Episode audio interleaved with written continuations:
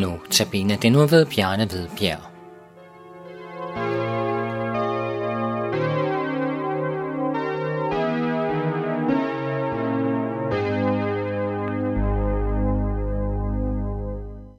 I Apostlenes Gerninger kapitel 2, vers 37 og 38 står der, Da de hørte det, stak det dem i hjertet, og de spurgte Peter og de andre apostle, Hvad skal vi gøre, brødre?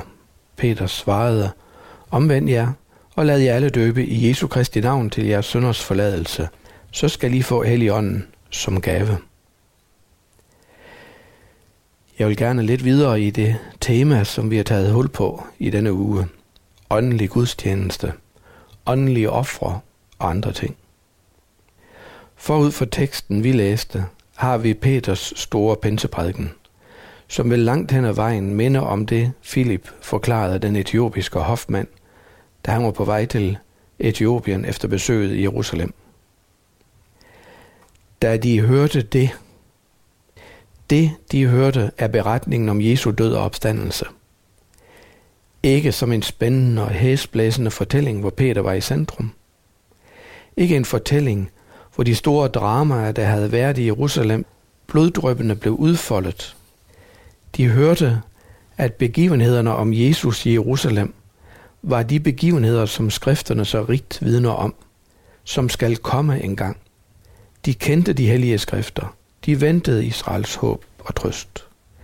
De bad om det og holdt tempeltjenesten intakt med ønsker om at høre, når Gud ville tale. Peter lukkede ordet op, så de pludselig ser disse begivenheder i et nyt lys. Og de kan se, at da der blev råbt kors fest ham, var det Guds søn, der blev råbt ad. De så, at de havde taget fejl. De så det i alt et skru. Det var Guds udsendinge til os, vi slog ihjel. Historien om Jesus har stadig denne revolution i sig, at den kan bringe mennesker derhen, hvor jeg ser, det er for mig, han døde. Det var for mine sønner, han led. Det er fordi jeg har handlet ille, at han måtte dø.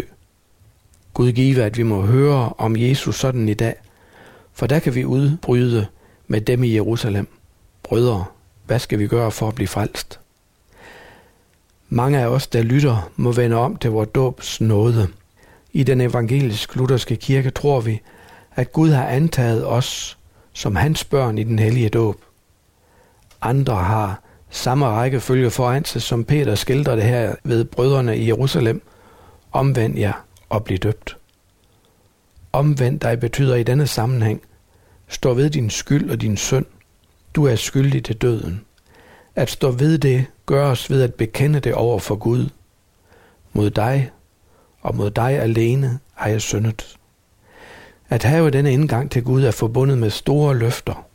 Skriften siger, at ingen sønder, der kommer til ham, vil han støde bort. Amen.